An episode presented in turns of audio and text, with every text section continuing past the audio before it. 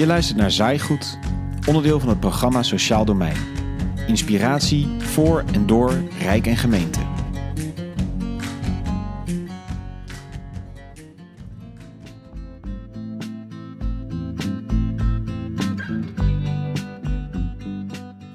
We starten deze podcast met een fragment uit de Britse comedyserie Little Britain. Een moeder komt bij de dokter omdat haar dochtertjes aan mandelen geknipt moeten worden. Danielle's gonna have her tonsils removed. I've got her down for a double hip replacement. Oh no, well there must be some kind of mistake. Computer says no. Well, that, that must be some other Danielle Lloyd. Computer says no. There's only one Danielle Lloyd on the system. Do you want the double hip replacement or not? No, clearly she doesn't need it. Well, she may do in the future. Look, we saw Dr. Phillips last week, and she definitely has an appointment for today to have her tonsils removed. Computer says no. De systeemwereld en de leefwereld van mensen, ze sluiten niet altijd aan. En op die momenten dat de computer of dat de systemen nee zeggen, is er maatwerk nodig. Daar gaan we deze podcast op in. Wat is er nodig om op een goede manier maatwerk in te zetten? Maar vooral ook, hoe kun je van incidentele oplossingen op een individueel niveau naar structurele aanpassingen van het systeem? We horen Pieter Hilhorst, projectleider CityDeal Eenvoudig Maatwerk, en we horen verhalen uit Groningen en Dronten. Allemaal over de vraag: hoe komen we tot structureel maatwerk?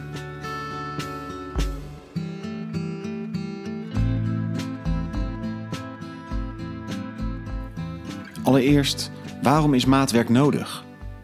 We horen Pieter Hilhorst, publicist en onderzoeker op het gebied van het sociaal domein en lid van de Raad voor Volksgezondheid en Samenleving. Hij is projectleider CityDeal Eenvoudig Maatwerk, een van de trajecten van het programma Sociaal Domein. Maatwerk is eigenlijk nodig omdat uh, de levens van mensen niet passen in de systemen die we als samenleving hebben bedacht. En uh, de ombudsman, de nationale ombudsman, die heeft een keer een rapport geschreven die het eigenlijk prachtig samenvat. En die zegt: wie niet past, loopt vast. Dus als je een enkelvoudig probleem hebt, je bent alleen maar werkloos uh, of uh, uh, je hebt een scootmobiel nodig, dan word je eigenlijk heel vaak heel goed geholpen. Maar zodra je een probleem hebt wat op verschillende levensdomeinen is, dus er is en een probleem met dat je werkloos bent, en er is onveiligheid in het gezin, en er is verslavingsproblematiek, dan, heb je, dan moet je bij verschillende organisaties zijn. En, dus, en de afstemming tussen die organisaties, die loopt, slecht moeilijk, loopt vaak moeilijk. En daar heb je maatwerk voor nodig.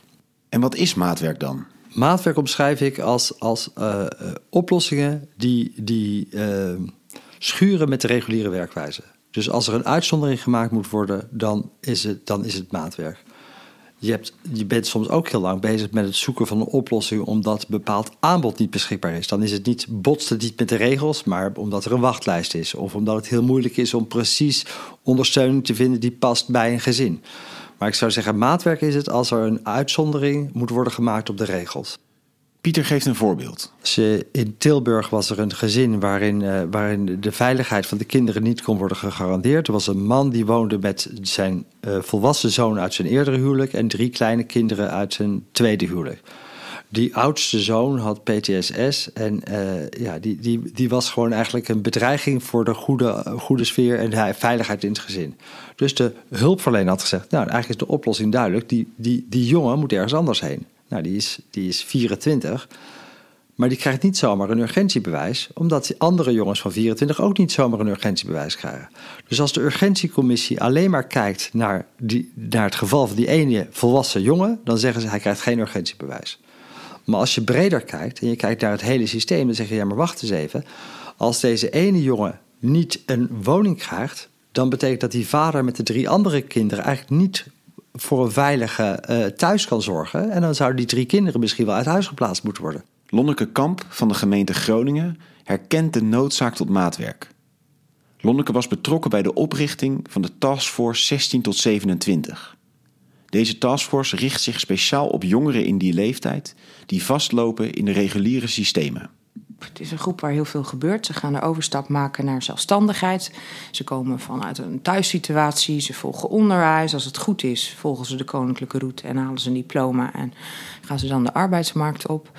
Um, maar we zien wel heel vaak dat deze groep uh, die koninklijke route niet zo goed uh, bewandelt. En uh, als dat thuis verder allemaal in orde is, is dat ook vaak tijdelijk en is dat niet zo erg. Maar we zien heel vaak dat daar um, vanuit de thuissituatie uh, dat het moeilijk is, dat ze geen stabiele basis hebben. Uh, en als er dan ook nog andere problematiek, bijvoorbeeld uh, psychische problematiek of andere gezondheidsproblematiek speelt, is dat vaak heel erg moeilijk voor ze om, um, om op een goede manier in die samenleving te landen. Om die reden is de Taskforce 1627 ingericht. Om over levensdomeinen heen jongeren te helpen die klem zijn komen te zitten en niet binnen het systeem geholpen kunnen worden. Lonneke vertelt hoe de taskforce in zijn werk gaat. Iedereen die met jongeren werkt, of je nou extern of intern binnen de gemeente werkt en je werkt met jongeren en je komt ergens niet uit of je loopt ergens tegenaan, dan kan je een casus indienen bij de taskforce. Uh, die behandelen we en we komen altijd diezelfde dag met een oplossing. Dus we hebben een mandaat om een oplossing te forceren. En uh, nou ja, bij voorkeur natuurlijk niet al te veel afwijkend van het uh, gemeentelijk beleid. Maar als het nodig is, dan is het nodig. En wie zitten er in die taskforce? Dat is bijvoorbeeld even het hoofd leerlingzaken. Dat is een vertegenwoordiger van uh, uh, inkomensdienstverlening. Daar zit werk bij, daar zit iemand vanuit uh, jeugd bij. En afgezien van dat, dat compacte kernteam hebben we ook verschillende afspraken voor een soort hotlines naar buiten toe. Dus als iets zeer uh, specialistisch is, dan hebben we een aantal mensen die we daar kunnen bevragen, zoals bijvoorbeeld vanuit de schuldhulpverlening. En bij de taskforce komen hele diverse vragen binnen. En dat varieert echt van wegwijsvragen, dat mensen de weg niet weten, tot uh, zeer, zeer complexe casuïstiek waar alles al is gedaan en waar gewoon uh, het hele leven van die jongeren veel hulpverlening is, maar waar ze er uiteindelijk gewoon niet uitkomen. Dus wij doen een poging om iedereen te helpen te ondersteunen. Dus wat, ja, dat zijn soms hele simpele, eenvoudige oplossingen dat we denken, hoezo wist jij dat niet? Daar hebben wij gewoon een gemeentelijke afdeling voor. Tot aan um, oplossingen die um, nou eigenlijk uh, niet kunnen. Maar die we toch gaan doen, omdat het beter is voor de jongeren. Lonneke heeft als voorbeeld van een complexe casus een jongen die in vijf HAVO zat en met wie in principe zelf niet veel mis was. Maar hij woonde wel bij zijn moeder, die een verslaafde prostituee was, en zijn vader zat in de gevangenis. De eerste keer dat, wij, dat hij bij ons kwam, was het de vraag um, welke. Um, ze wou hem eigenlijk dus uit huis halen. En welke intramurale jeugdaanbieder dan voor hem het meest geschikt was. Waarvan wij dachten. Maar waarom moet je zo'n kind eigenlijk in een, in, een, in een jeugdinstelling zetten, terwijl er met hem niet zoveel mis is? Zou je deze jongen niet veel beter, um, ook zeg maar met het oog op zijn toekomst, dat hij graag wil studeren, uh, ergens uh, in een kamer in de stad zetten? In Groningen natuurlijk heel veel studentenhuizen, dus dan zit hij vast in een omgeving waar hij toch naartoe wil, waar hij misschien wel uh, voor het eerst van zijn leven een keer de juiste impulsen heeft. Ook, ook meedraait in een gewoon normaal studentenleven. Daarvoor zou hij wel financiële steun moeten hebben in de vorm van een uitkering. Maar die kon hij pas krijgen vanaf zijn achttiende, omdat tot die tijd zijn ouders werden geacht voor hem te zorgen. Maar zijn ouders konden juist niet voor hem zorgen. Toen hebben wij gezocht naar mazen in de wet. En als er sprake is van een crisissituatie of een noodsituatie, dan mag je als gemeente heb je de bevoegdheid om ervoor te zorgen um, dat je die oplost. Dus dat hebben wij gedaan. We hebben deze jongen toch een bijstandsuitkering verstrekt. Daardoor kon hij een kamer huren. We hebben daar wel dus een heel aantal uren uh, ambulante begeleiding uh, naast gezet. Om ervoor te zorgen dat er al die dingen die geregeld moeten worden. en die normaal eigenlijk ouders hun kinderen horen aan te leren. dat die jongen daar ondersteuning bij kreeg. De jongen gaat studeren, heeft diploma's gehaald, en verder niks aan de hand. En dan komt weer die volgende belangrijke stap richting arbeidsmarkt. Op dat moment had hij gedeeltelijk inkomen uit werk, gedeeltelijk uit WW, gedeeltelijk aangevuld vanuit de sociale dienst. En omdat al die partijen op verschillende momenten uitbetalen, zorgde dat voor veel financiële onzekerheid. We hebben uiteindelijk geregeld dat er um, alle geldstromen vanuit de verschillende punten op één plek binnenkwamen. En dat vanuit daar in één keer de vaste lasten in ieder geval betaald werden. Ehm, dan hoef je daar geen zorgen meer over te maken. Dan is er een soort rust in de basis, noemen wij dat dan. Als die financiën en die, en die vaste lasten betaald zijn, dan is er ook weer ruimte in je hoofd om na te kunnen denken over, die, over de andere zaken die belangrijk zijn. Ehm, en dan zie je dat er vaak dus helemaal niet zo heel veel nodig is. Gewoon dat even regelen van die drie geldstromen die uh, anders niet goed bij elkaar komen. De, hoe ingewikkeld is dat? Eigenlijk niet. Um, maar dat maakt wel het enorme verschil in het leven uh, van zo'n jongen. De taskforce die Lonneke beschrijft en de casus die ze noemt, zijn een mooi voorbeeld van hoe je vanuit de leefwereld denkt in plaats van uit de systeemwereld. Toch blijven deze oplossing en andere incidentele oplossingen op een individuele casus. Ik denk wat heel spannend is, is om ervoor te zorgen dat al die incidentele bypasses die we verzinnen en waar die iedere gemeente verzint en um, dat je daar uh, dat dat geen incidenten blijven. Ik bedoel, je kunt het wiel iedere keer weer opnieuw willen uitvinden of voor ieder uh, uh, brandje een, een fantastische out-of-the-box oplossing gaan verzinnen. Maar feitelijk ontstaan die problemen omdat het systeem structureel niet goed functioneert. Dus kan je dan niet beter investeren in dat systeem structureel passender maken voor al die mensen die er net niet binnen de lijntjes vallen? In de City Deal eenvoudig maatwerk wordt geprobeerd deze slag te maken, van incidenteel naar structureel. Pieter Heelhorst vertelt over de drie orders van leren die nodig zijn om deze slag te maken. Wat we bij de City Deal eenvoudig maatwerk, dus een samenwerksverband van acht gemeenten: uh, Amsterdam, uh, Den Haag, Delft, Leeuwarden, Tilburg, Utrecht, Zaanstad en Enschede. En vier ministeries. Wat we eigenlijk doen is kijken van wat is nou nodig om te zorgen dat sociaal werkers kunnen doen wat nodig is. En dan zie je dus dat ze moeten, dat is eigenlijk de eerste opgave, ze moeten leren om maatwerk te maken en het te legitimeren. Want als je een uitzondering vraagt bij een instantie, dan moet je legitimeren, dan moet je beargumenteren waarom die uitzondering gerechtvaardigd is. Dus dat is de eerste stap. Nou zie je eigenlijk in die acht gemeenten dat daar enorme vooruitgang is. Er zijn veel vaker zijn er doorbraaktafels of escalatietafels waar ingewikkelde gevallen worden besproken en waarvan gedacht wordt hoe kunnen we hier een doorbraak forceren. Maar dan heb je eigenlijk heel veel overleg over steeds individuele casussen. Dus dat, dit, dit leren, maatwerk maken en legitimeren noemen wij eerste orde leren. Maar eigenlijk moet je ook kijken, hoe kan je nou als organisatie uitvoerende professionals makkelijker in staat stellen om maatwerk te maken? Nou, dat noemen we tweede orde leren. Een heel goed instrument daarvoor is het maatwerkbudget. Dat betekent dat uitvoerende professionals over kleine bedragen zelfstandig kunnen beslissen. Soms zijn er kleine bedragen nodig om een, om een doorbraak te forceren in de hulpverlening. Uh, dat kan zijn dat er uh, geld moet worden ge gekregen voor het aanvragen van een urgentiebewijs. Het kan zijn dat er een, uh, geld moet zijn voor een ID-bewijs. Daar kan je soms wel bijzondere bijstand voor aanvragen, maar soms is dat ook ingewikkeld. En het duurt lang, dus dan zou het echt prettig zijn als professionals gewoon kunnen zeggen van... hey, dit is nodig. Soms kan het ook zo zijn, hé, hey, daar moet eigenlijk... Uh, deze moeder kan het best aan, maar dan moet zij... omdat zij de kinderen op twee verschillende plekken heeft... moet zij eigenlijk een, een, een, een bakfiets hebben. Nou, zelfs zulke beslissingen zouden uitvoerende professionals kunnen nemen... met zo'n maatwerkbudget. Dat helpt. Dus dat is eigenlijk een tweede orde leren, omdat de organisatie heeft gezegd... Wij begrijpen dat er meer vrijheid van handelen voor de professional nodig is. Dus krijgen teams een budget waar ze zelf over kunnen beslissen. De derde orde van leren is, is dat, dat je het samenspel van organisaties in de verzorgingsstaat verbetert. Dus uh, uh, als iemand, uh, als iemand een, een, briefadres nodig heeft, ja, de dienst basisregistratie personen wijst zeven van de acht briefadressen af. Dus dan moet je eigenlijk nadenken: hoe is de verhouding tussen het werk van een sociaal wijkteam en de dienst? Of hoe is de verhouding tussen de uh, sociaal wijkteam en uh, uh, de dienst werk en inkomen binnen een gemeente? Nou, als je, op, als je afspraken maakt daarover, dan dat noemen we derde orde leren. Ik kan een voorbeeld noemen uit Utrecht, waarin ze zeiden: we merken eigenlijk dat er vrij vaak mensen bij buurteams aankloppen die geen inkomen hebben. Dus die hebben een uitkering gehad of die zijn afgewezen voor de uitkering. En daardoor hebben ze geen inkomen. Die wachten een tijdje en komen dan daarna, omdat ze de huur niet kunnen betalen of omdat ze op straat dreigen te worden gezet, komen terecht bij het buurteam. Als je op een gegeven moment het patroon ziet dat dat vaak het geval is, kan je eigenlijk zeggen van wat is nou aan de hand bij de dienstwerk en inkomen?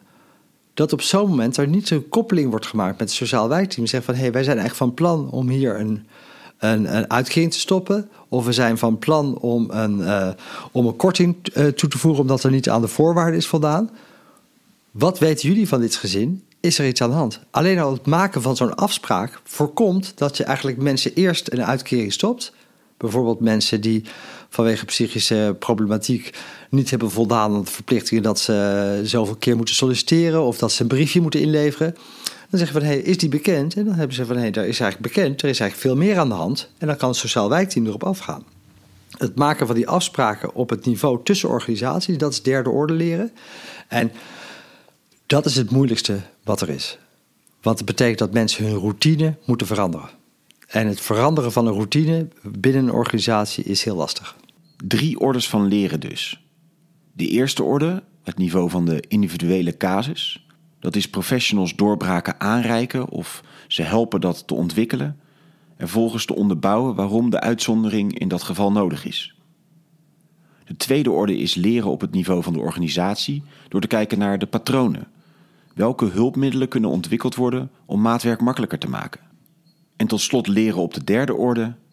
Hoe kan het samenspel met andere partijen of tussen verschillende afdelingen verbeterd worden? Wat we met de City Deal eenvoudig maatwerk hebben gedaan, is dat we eigenlijk een platform hebben gemaakt. En dat heet Platform Mooi Maatwerk, waarin mensen delen wanneer het gelukt is om een doorbraak te forceren in een situatie die vastzit. En waarom is dat nou zo van belang? Omdat als professionals iets doen wat uh, een uitzondering op een regel uh, vergt, dan zijn ze geneigd om dat voor zichzelf te houden. Omdat je denkt van ja, maar ik heb eigenlijk iets gedaan wat niet mag. Of wat een uitzondering is. Dat is misschien een beetje tricky. Maar je moet het juist delen, want de oplossing die jij hebt gevonden kan een inspiratiebron zijn voor uitvoerende uh, professionals, voor sociale werkers in een andere stad. Dus wat wij doen met, die, met uh, platform Mooi Maatwerk, dat een onderdeel is van één sociaal domein, is eigenlijk deel nou je mooie voorbeelden. Want dat betekent dat als er iemand is in Enschede die tegen eenzelfde probleem aanloopt, uh, waarin, er, waarin er eigenlijk een, een, urgentiebewijs nodig is, maar het niet gegeven wordt, zegt van ja, maar wacht even. In Tilburg hebben we een vergelijkbaar geval gehad en daar kon het wel. Daarmee is het platform dus een inspiratiebron op die eerste orde van leren. Wat dat platform ook doet, is dat het leert over welke type kwesties eigenlijk het vaakste een doorbraak nodig is. En dan zie je bijvoorbeeld nu al op het platform dat er heel veel doorbraken zijn waarin eigenlijk een gebrek aan woonruimte de crux is. Dus dan zie je van hé, hey, maar wacht even, als dat de crux is, dan moeten we misschien op het niveau van beleid iets doen aan, andere, uh, aan de beschikbaarheid van woningen. Misschien moeten we wel, zoals de gemeente Amsterdam heeft gezegd, een aantal urgentiebewijzen ter beschikking stellen van de, van de sociale, sociaal werkers die zelf mogen beslissen. In dit geval geven wij een urgentiebewijs. Daarmee heb je eigenlijk gemandateerd vertrouwen. Dus je hebt de beslissingsmacht van de commissie urgentiebewijzen gemandateerd overgedragen aan de sociaal werker in de uitvoering. Nou, dat soort mechanismen gebeurt eigenlijk nog weinig, maar dat is wel de logica. Als je dat niet doet, dan ga je één voor één steeds tegen gevallen aanzitten waarin het niet past en waarin mensen vastlopen en waarin je met heel veel moeite een doorbraak moet forceren. En je moet het dus naar een hoger niveau tillen om te kijken of je op het tweede orde uh, niveau of op het derde orde niveau een verandering tot stand kan brengen. In de gemeente Dronten is er een goed voorbeeld van zo'n structurele les op het niveau van de organisatie. Ouders van kinderen met autisme beklaagden zich dat zij steeds vastliepen in het systeem. Ze hadden een duidelijke vraag aan de gemeente. We horen Eline Maas, beleidsmedewerker jeugd. Eén persoon die het hele gezin, het kind en de ouders zou kunnen begeleiden voor tot aan het 18e jaar of het liefst nog langer, die heel gespecialiseerd was in autisme en die wist wat het betekende om als ouders een gezin te draaien waarin één of meerdere kinderen een complexe vorm van autisme hebben. En de behoefte van de ouders was met name om gehoord te worden, zodat ze niet iedere keer opnieuw hun verhaal moesten doen bij een toegangsmedewerker van de gemeente. Ze ook niet iedere keer, ieder jaar opnieuw, weer een aanvraag moesten doen voor een bepaalde vorm van hulp. Daarom is de gemeente Dronten begonnen met de levensloopbegeleider. Een professional met specialistische expertise op het gebied van autisme en met een groot mandaat op verschillende levensterreinen. Eén uh, gezin heeft heeft hun eigen levensloopbegeleider. En het is gebleken dat de levensloopbegeleider gaat om tafel zitten met het gezin en betrekt daar ook mensen bij vanuit het netwerk. Uh, er wordt ook de hulpverlening betrokken die al in het gezin zit. Dus zo kom je met z'n allen, alle mensen die met het gezin in contact staan of die nauw betrokken zijn bij het gezin, kom je tot een plan. Het plan gaat in op, op het hele, de hele levensloop tot ongeveer het 23ste jaar. En dan wordt specifiek gekeken wat is de situatie nu, waar is behoefte aan, wat heeft het gezin nodig, hoe kunnen ouders leren om om te gaan met de leefwereld van hun kind. Daarbij worden ouders ondersteund. Er wordt kennis overgedragen, dus de levensloopregisseur uh, helpt ook bij het aangeven wat de belangrijke fases zijn waarin ouders en kinderen of jongeren al kunnen verwachten dat het iets moeilijker zal worden. Bijvoorbeeld de overgang van basisonderwijs naar voortgezet onderwijs of de overgang van onderwijs naar werk. Of als bijvoorbeeld een dierbare overlijdt. Daar worden ouders en, en jongeren op voorbereid dat dat een moeilijkere periode is. En het plan gaat eigenlijk in op alle fases uh, die gaan komen.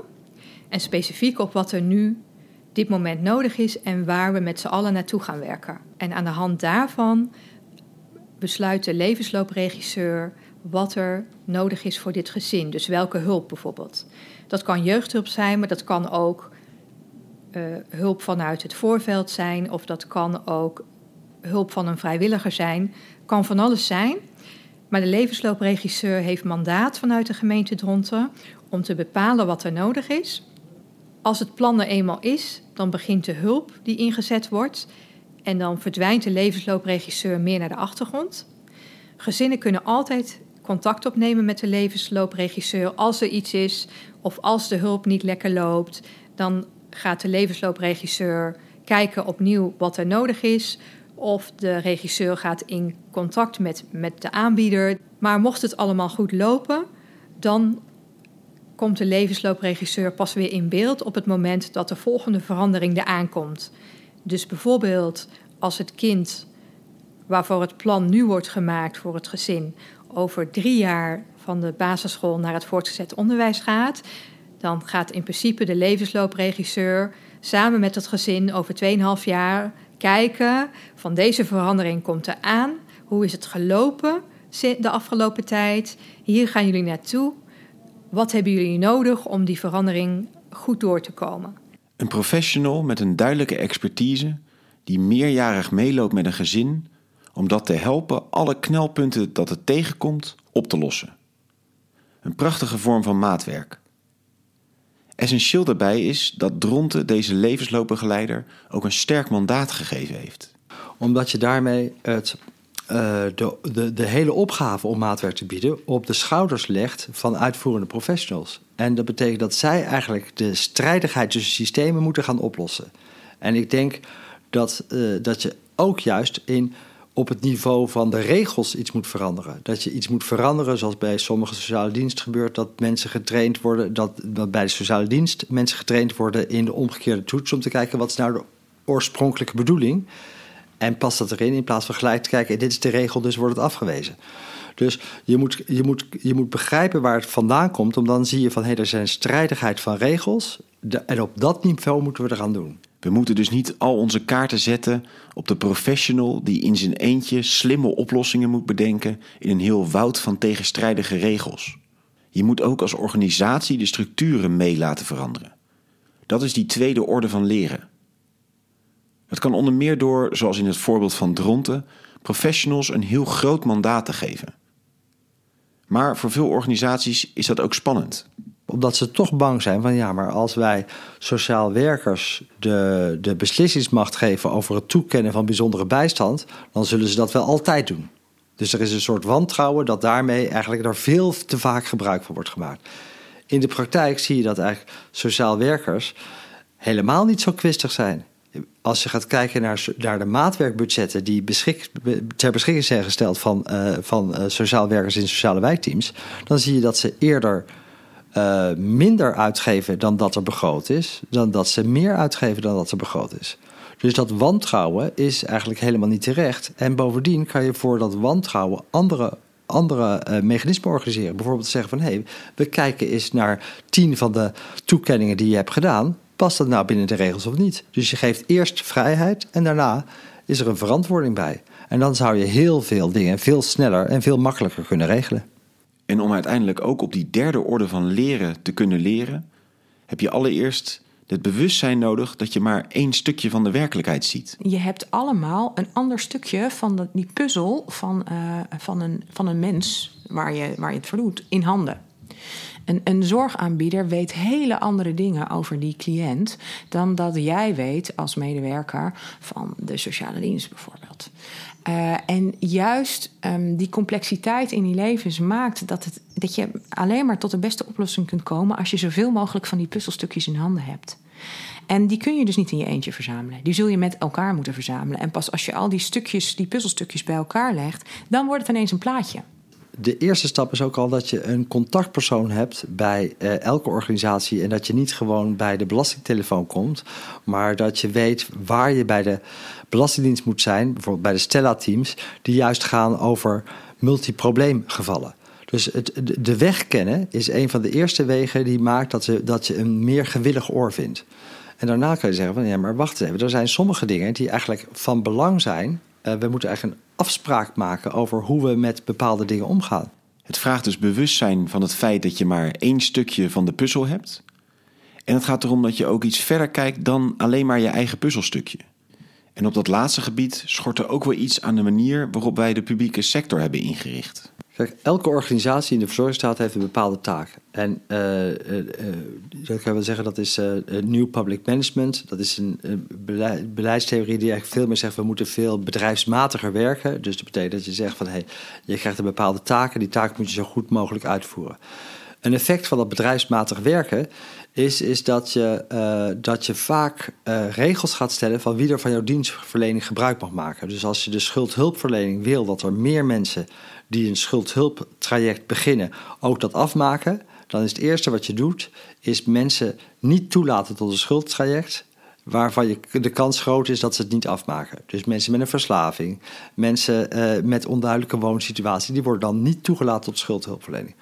Maar als je ze niet toelaat tot schuldhulpverlening, betekent niet dat de problemen daarmee opgelost zijn. Dus is de kans groter dat die mensen uit hun huis worden gezet, dat ze in de opvang terechtkomen, dat ze nog in de verslavingszorg zitten met schulden.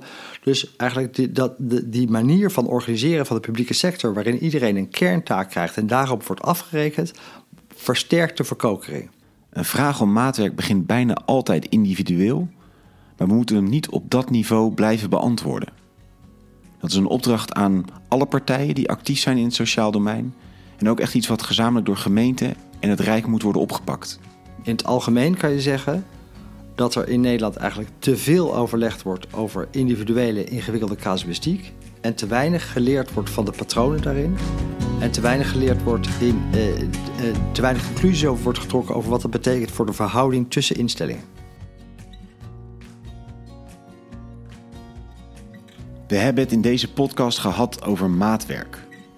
Maatwerk is nodig als mensen in de knel zitten omdat de systeemwereld niet aansluit op hun leefwereld. Om dan een doorbraak te forceren heb je creativiteit nodig en professionals die breder durven te kijken dan hun eigen verantwoordelijkheid. Maar vervolgens moeten we van het incidentele naar het structurele.